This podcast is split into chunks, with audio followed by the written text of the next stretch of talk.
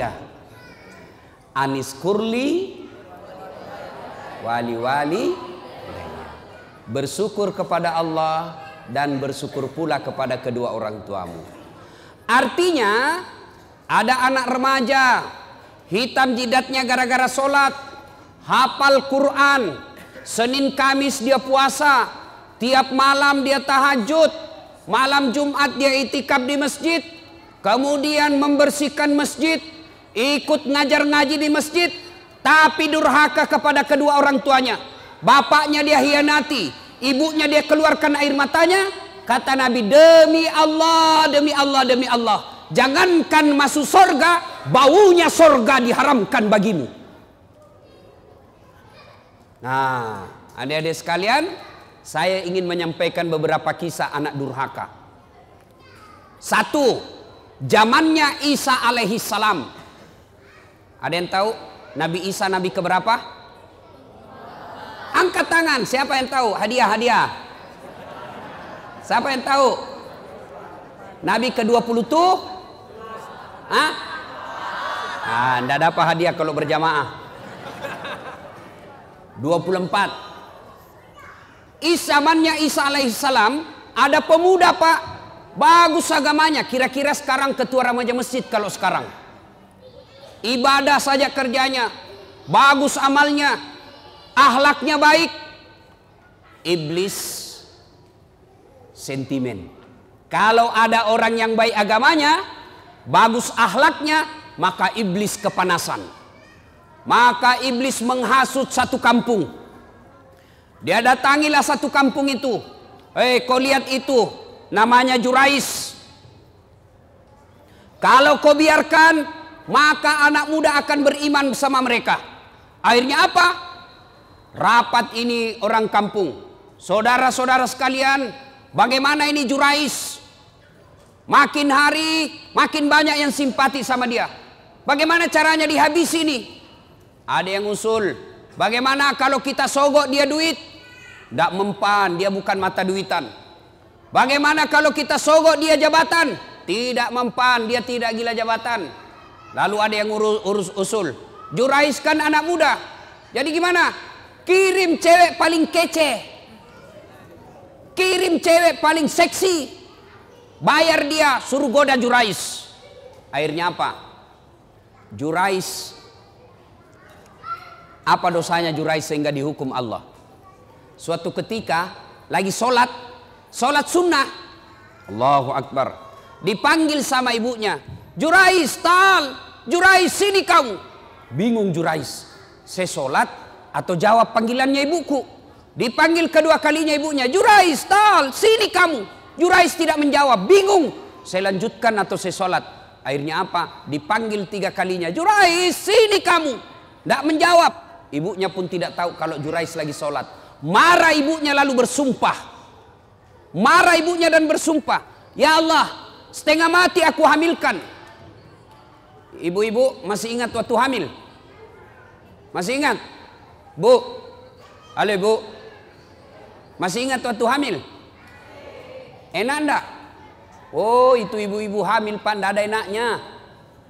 Jalan setengah mati, duduk setengah mati, Tidur sebelah kanan nyamping sesak napas, nyamping kiri poso. Satu saja gayanya kalau sudah hamil, gaya pasrah.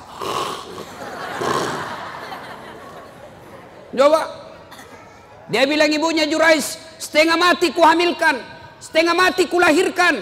Ibu-ibu, masih ingat waktu melahirkan? Ada ndak ibu-ibu melahirkan senyum? Ada ibu-ibu melahirkan, keluar kona.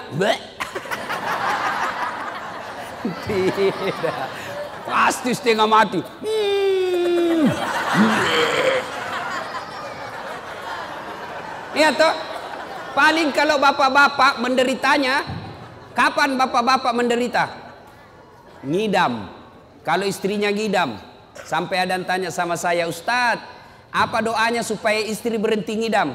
Saya bilang, apa ngidamnya istrinya pak? Dia bilang, nanti dia bisa tidur kalau dia lihat saya duduk di atas lemari. Wah, jadi kalau istrinya mau tidur jam 10, setengah 10 sudah naik suaminya di atas lemari. Saya bilang berhenti kau nak kasih bodoh-bodoh kau itu.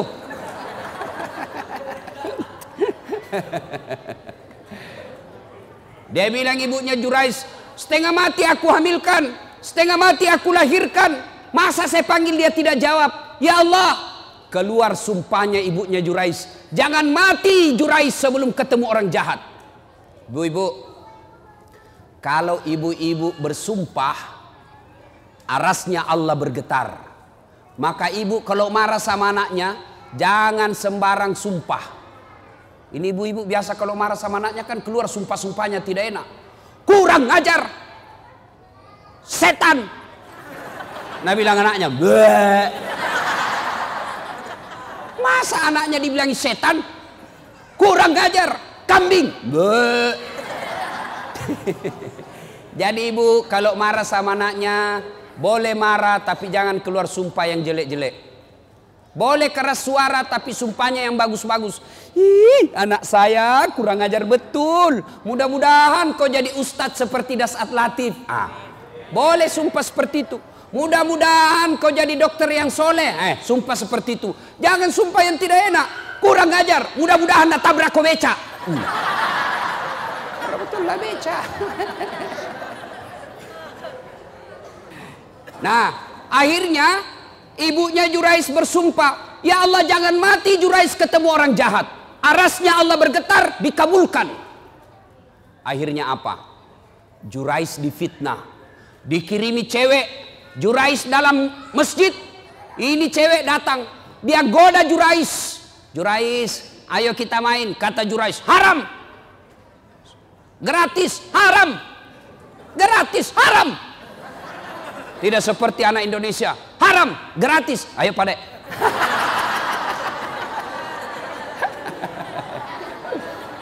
Ini cewek sudah dibayar. Mondar mandir di depannya Jurais. Dia pegang pipinya Jurais. Dia pegang dadanya Jurais. Dia buka bajunya. Jurais mantap. Astagfirullah. Dia tutup matanya. Astagfirullah. Astagfirullah. Astagfirullah. Kalau orangnya Indonesia. Astagfirullah. Astagfirullah. Mulutnya istighfar tapi matanya melotot. Astagfirullah, astagfirullah. Akhirnya ini perempuan gagal menggoda Jurais. Semakin dia menarik-narik telanjang, Jurais tunduk tidak tergoda. Ini perempuan malu, sudah telanjang tidak dilayani, sudah dikasih duit tidak berhasil. Akhirnya apa? Dia pergi berzina dengan pengembala kambing. Setelah berzina di pengembala kambing hamil. Tabrakan antara cowok dengan cewek. Dek kalau mobil tabrakan pak mobil sama mobil penyok. Penyoknya lari ke dalam. Kalau cewek sama cowok tabrakan pak penyoknya lari keluar. Hamil. Begitu hamil ini cewek dia ke mana-mana pidato. Saudara-saudara sekalian Kenal tak Jurais? Kenal. Itu tuh yang kerjanya soleh. Dia bilang dirinya. Yang kerjanya ibadah saja. Pembohong. Nih perut saya hamil gara-gara dia. Difitnah Jurais. Ke mana-mana dia pidato. Saya hamil. Jurais yang hamili saya. Akhirnya satu kampung mulai marah. Hah? Jurais ternyata pencitraan. Jurais ternyata pembohong pura-pura alim, mau pilpres datang-datang pesantren, sudah dipilih dibohongi kita. Marah. Akhirnya Jurais dilempari, dilempar sampai kena pipinya, berdarah pipinya, jatuh giginya. Kata Jurais, demi Allah bukan saya. Ah, bohong, dilempar lagi, bukan saya. Demi Allah bukan saya. Akhirnya begini, Kata Jurais begini, bos, biar saya bilang tidak, kau juga tidak percaya. Kau tuduh saya, saya tidak mau terima. Jadi bagaimana? Kita tunggu sampai lahir ini anak, kita tanya siapa bapaknya. Ringkas kisah, lahir anak ini. Begitu lahir, masih merah, masih orok, dipencet pusatnya sama Jurais. Ya fulan, anak, ngomong kau siapa bapakmu? Demi Allah, siapa bapakmu? Dengan izin Allah ngomong ini bayi. Apa dia bilang? Bapakku bukan jurais, bapakku pengembala kambing di tetangga desa. Apa dia bilang Jaris? Ku bilang memang bukan saya. Apa mi? Jatuh mi gigiku ini. Ganti kok. Ini robek-robek. Eh. Ganti gigi saya. Akhirnya Jurais bebas dari tuduhan itu. Coba adik-adik sekalian. Jurais, pemuda yang taat beribadah, dihukum oleh Allah gara-gara apa? Ibunya lagi memanggil dan ibunya pun tidak tahu anaknya lagi sholat. Itulah sebabnya ada sebelas kewajiban anak kepada orang tua. Satu di antaranya adalah menjawab panggilannya. Ustadz, bagaimana kalau kita lagi sholat Ustadz? Dipanggil sama ibu. Maka kalau dia laki-laki, misal, baco. Orang Bugis itu kalau anak laki-laki, baco. Kalau perempuan, ece. Banyak orang Bugis di sini? Banyak? Jago ini orang Bugis pak. Ke mana-mana saya ketemu orang Bugis. Saya ke Pulau Kijang, banyak orang Bugis. Saya ke Guntung, banyak juga orang Bugis. Saya pergi pelosok Kalimantan Timur, ketemu banyak juga orang Bugis. Saya pergi Singapura, ada Bugis Street. Saya pergi Sabah Sarawak, banyak juga orang Bugis. Begitu saya masuk penjara, banyak juga orang Bugis. Penceramah juga malam ini orang Bugis juga. Ibu bapak saudara-saudara sekalian. Jurais dihukum oleh Allah gara-gara apa? Dipanggil ibunya dia tidak menjawab padahal dia lagi sholat. Nah, bertanyalah orang Ustadz, kalau lagi sholat dipanggil ibu, bagaimana caranya menjawabnya? Kalau dia laki-laki, Rahman, maka jawabnya Allahu Akbar. Panggil lagi, Rahman, Allahu Akbar. Tapi kasih tahu ibunya dulu. Besok-besok ibu, kalau ibu panggil saya Rahman, saya bilang Allahu Akbar, berarti saya lagi sholat. Karena kalau ibunya tidak tahu, tidak tahu masalah agama, Rahman, Allahu Akbar, ih kurang ajar. Dipanggil dia takbir. Oh Rahman, Allahu Akbar, ih kurang ajar betul ini anak. Itu tapi Jangko juga pura-pura bos. Dia tidur, Rahman, Allahu Akbar. Padahal dia tidur, wah dongok-dongok.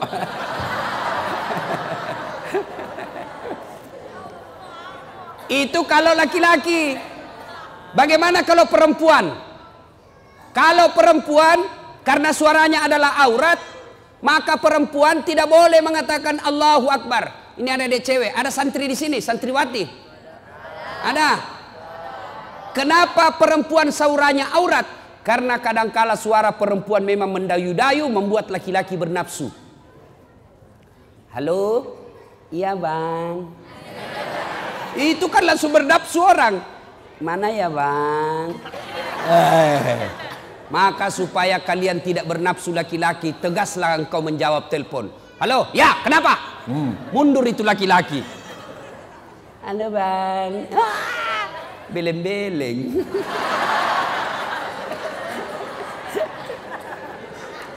Bagaimana kalau perempuan dipanggil ibunya atau bapaknya?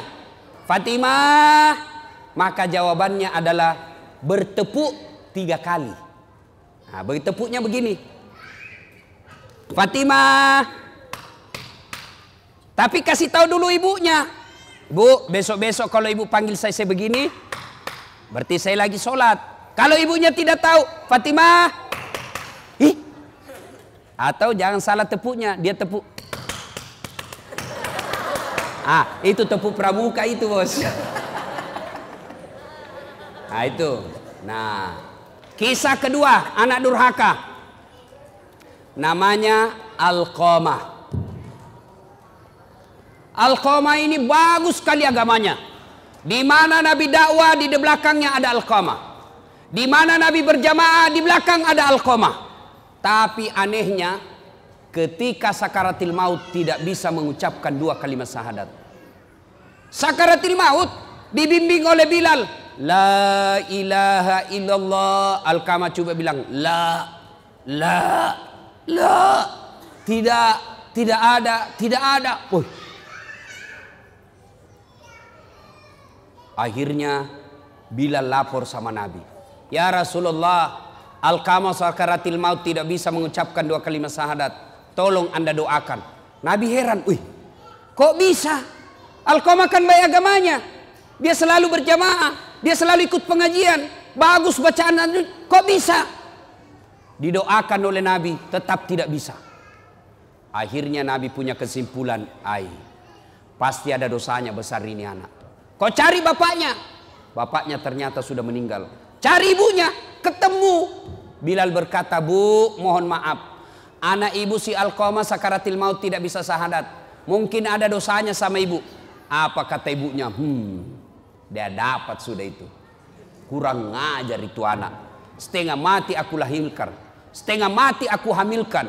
Setengah mati aku susui. Setengah mati aku besarkan. Setelah ada istrinya, lebih sayang istrinya daripada saya. Maksudnya apa ibu? Pernah suatu ketika saya datang ke rumahnya. Karena lama saya tidak pernah ketemu. Dia lama tidak datang ke rumah saya. Aku rindu kepada anakku. Maka aku yang datang ke rumahnya. Ketika saya mau datang datang ke rumahnya. Sebelum saya buka pintu pagarnya. Belum saya masuk pintu rumahnya. Saya dengar dia berkata kepada istrinya. Bu, datang ibu. Sembunyi cepat itu kacang didengar sama ibunya. Nangis ibunya tidak jadi masuk kembali ke rumah. Disampaikanlah kejadian ini kepada Nabi. Nabi lalu bersabda, waduh, malopo dosa anal kama. Dek nana salama ya tuan nanai, macilakai. Katanya, besar dosanya nih Alkama. Tidak selamat dia. Panggil ibunya. Panggil ibunya. Atau saya datang sama dia. Panggil ibunya datang. Nabi bersabda, Bu, Lihat anaknya. Dia tidak bisa sahadat. Tidak selamat kalau tidak dimaafkan sama ibu. Dia bilang ibunya biar saja. Biar rasa supaya kurang ngajar itu anak. Kata Nabi, Bu kalau begitu lebih baik saya bakar api dunia daripada apinya neraka yang bakar. Karena kalau api dunia masih ringan dibanding api neraka. Adik-adik, api itu ada tiga empat tingkatan. Bapak-bapak, ada yang tahu berapa tingkatan api? Berapa dek? Empat. Api tingkatan pertama warnanya merah. Itu warnanya perokok. Ada perokok di sini? Ada. Berhentilah merokok pak. Bapak kalau merokok itu sama membunuh orang Palestina. Itu biasa orang perokok kan seperti kayak beleng-beleng. Ini aja kerjanya. Itu aja dikerja. Sekali-kali usap. Isap kunyah. Jangan dibuang bos. Kok kasih rugi kita. Baru-baru meninggal istrinya Indro. Warkop. DKI apa itu? Yang tukang lucu-lucu itu? Warkop DKI? Indro meninggal istrinya gara-gara apa? Kena kanker paru. Gara-gara apa? Karena suaminya selalu merokok, istrinya kena kanker karena selalu mengisap asap rokok. Apa ini merokok ini? Berhenti merokok pak. Jangan marah ya. Bapak kalau marah terserah, saya sudah mau pulang besok. Berhentilah merokok. Ini bapak-bapak anaknya dilarang merokok. Awas kalau kau merokok, awas, awas, awas. Saya tempelin kau kalau saya dapat kau merokok. 10 menit dia bilang Piko belikan saya rokok nak. Ih, maksud lo? Ada juga ustadz di sini merokok. Ada ustadz. Kalau ada ustadz merokok, ustadz beleng-beleng. Masa anak santri dilarang merokok baru dia merokok di depan santri? Tidak boleh pak. Bapak tahu ndak siapa yang punya pabrik rokok? Pabrik rokok sekarang yang punya pak orang Yahudi yang ada di Indonesia. Berarti bapak kalau beli rokok, sumbang orang Yahudi tembaki orang Palestina. Berhentilah merokok. Ustaz, saya tidak bisa berhenti Ustaz. Kenapa? Tidak jalan otakku. Hmm, bale-bale. Buktinya, Ramadan jalan di otak tak. Berhentilah merokok. Niat berhenti merokok mulai malam ini, pembeli rokok tabung pergi umroh bersama Ustaz Dasad. Itu lebih utama atau kasih anak kita untuk sekolah pendidikan, belikan dia buku yang baik daripada rokok dibakar. Ya, tapi dia bilang mahasiswaku, Ustadz rokok tidak merokok, merusak. Sembarang kau bilang, tidak merusak Ustadz, sembarang kau bilang. Yang penting rokok tidak ketemu api. Ayalah, kalau rokok tidak ketemu api ya memang tidak merusak. nah ibu bapak saudara-saudara sekalian. Akhirnya tingkatan pertama warnanya merah. Tingkatan kedua dibakar seribu tahun warnanya biru. Seperti kompor gas. Bakar seribu tahun warnanya menjadi putih. Seperti tempat-tempat itu pembukaan timah. Eh, pabrik-pabrik tambang. Nah, itu warnanya putih apinya. Sehingga tidak kelihatan kalau dia disemprot. Bakar seribu tahun. Nah, inilah apinya neraka warnanya hitam. Kata Nabi, lebih baik saya bakar api dunia daripada apinya neraka. Ibunya katakan silahkan. Nabi perintah kumpulkan kayu. Kumpul kayu. Nyala besar. Lalu Nabi tanya ibunya. Ibu betul tidak mau memaafkan anaknya? Betul ya Rasul. Kalau begitu angkat. Kata Nabi angkat. Lempar masuk ke bara api. Begitu mau dilempar masuk ke api. Ibunya berteriak. Tahan, tahan. Ya Rasulullah jangan kau bakar anakku. Memang dia kurang ajar. Memang diurhaka. Tapi kedurhakaannya, kurang ajarnya tidak ada artinya ketimbang penderitaan saya menghamilkan dia sembilan bulan dalam perut saya. Saya lahirkan hidup dan mati. Demi Allah, saya maafkan anakku ya Rasul. Jangan kau dia. Nabi tanya, betul ibu maafkan anaknya? Betul ya Rasul. Akhirnya Nabi katakan, letakkan dia. Lalu diletakkan dengan bersusah payah. Akhirnya Al-Qamah mengucapkan, La ilaha illallah Muhammad Rasulullah. Meninggal. Al-Qamah hidup pada zaman Nabi, baik agamanya, tapi menghadapi sakaratul maut dengan tersiksa gara-gara apa? Durhaka sama ibunya. Nah, adik-adik sekalian, kalau durhaka sama orang tua, biar hafal Quran tidak ada bu utamanya. Tapi saya yakin, saya yakin-yakinnya, ini adik-adik semua nih yang hadir di sini, saya yakin masuk hafal Quran salah satu tujuannya karena ingin membahagiakan orang tua. Ya kan? Ya adek ya? Adik-adik sekalian, hafal Quran sudah dapat pahala. Diharamkan disentuh api neraka bagi mereka yang hafal Quran. Diharamkan disentuh api neraka. Yang kedua, dengan hafal Quran, maka adik-adik sekalian akan memberikan jubah ke ibunya nanti di akhirat. Ketika Dinda di akhirat karena hafal Quran, maka Allah berikan hadiah kepada Adinda ini, adik-adik ini yang hafal Quran, ambil orang tuamu masing-masing, kasih jubah kemuliaan karena engkau menghafal Quran. Maka bapak-bapak, ibu-ibu yang ada anaknya hafal Quran, bahagia bapak-bapak. Ada orang bangga kalau anaknya pintar bahasa Inggris. Ustadz, itu tetangga saya hebat Ustadz. Masih kelas 1 SMP sudah hafal, sudah pandai bahasa Inggris. Kelas 3 dia sudah lancar bahasa Inggris. Apa hebatnya?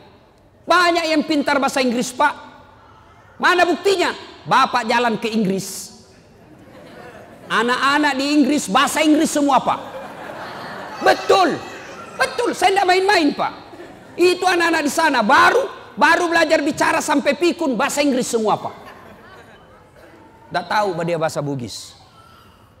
Tidak usah apa hebatnya pintar bahasa Inggris. Memangnya nanti kalau kita meninggal anak kita sudah kita masuk kubur anak berdoa. Oh my God.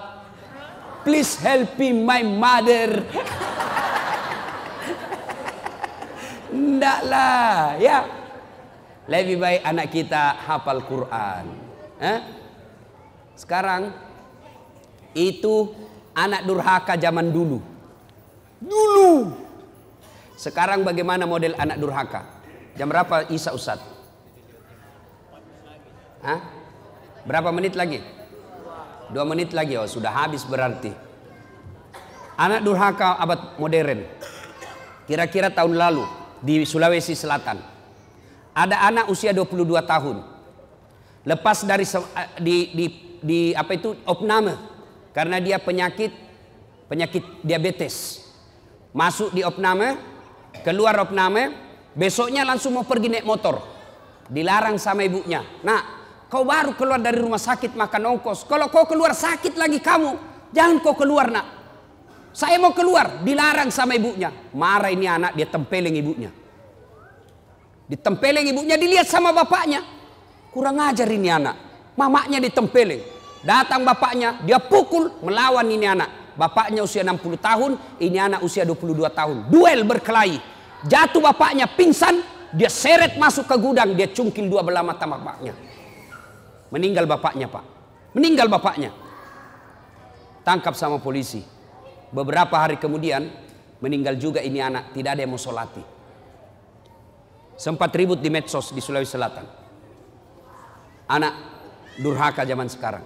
Apalagi anak durhaka. Saya mau pergi ceramah di Sulawesi Selatan, mau pergi taksiah. Tiba-tiba ada ibu-ibu menangis. Ustadz tolong datang ke rumah saya Ustadz. Nangis, Ustadz tolong bantu saya. Kenapa ibu? Tenangkan ibu, tarik nafas. Tenang ibu. Meninggal suamiku Ustadz. Tolong datang ke rumah, saya tidak tahu urus bagaimana cara. Saya bilang bagaimana? Mana semua anak-anaknya? Anakku sibuk semua Ustadz. Saya datanglah ke rumah itu. Begitu saya datang di rumahnya, saya bilang, Bu, mana nomor teleponnya anaknya? Saya minta nomor telepon anaknya, lalu saya teleponlah anaknya yang pengusaha di Samarinda. Orang kaya di Kalimantan. Tabe, Daeng, meninggal bapaknya. Apa kata ibunya, bapaknya? Daeng, ada berita duka, meninggal bapaknya di Makassar. Apa kata anaknya? Oh, sudah lama memang sakit itu bapakku Ustaz. Jadi saya bilang, jadi bagaimana deh? Ditunggu atau tidak? Apa jawabannya? Tidak usah ditunggu Ustaz. Biar saya pulang tidak merubah keadaan. Jadi bagaimana? Silakan kirim SMS nomor rekeningnya Pak Ustadz. Biaya pemakaman dan pengurusan jenazah saya transfer Ustadz saja yang ngurus. Anak durhaka Pak. Bapak mau punya anak seperti itu? Mau punya anak seperti itu? Tentu tidak mau. Mau punya anak yang soleh dan soleha? Mau punya anak yang soleh dan soleha? Masukkan ke pondok anak kita. Coba kalau anak kita di pondok pak. Coba anak kita di pondok. Sholat lima waktunya berjamaah. Makannya jelas halal. Ucapan-ucapannya jelas tidak pernah bicara kotor. Jelas dia tidak akan tersentuh oleh yang bukan muhrimnya. Makanannya bagus. Meskipun barangkali tempe. Meskipun ala kadarnya. Tapi halal. Tapi kalau anak kita di luar, mungkin di rumah makanannya ayam. Tapi kalau dia keluar rumah, apa yang dimakan? Narkoba, lem pox, lem Korea. Ibu bapak saudara-saudara sekalian, banyak hal yang ingin kita sampaikan, tapi waktu Isa yang telah sampai. Insya Allah lain waktu dan kesempatan kita lanjutkan. Adik-adik sekalian.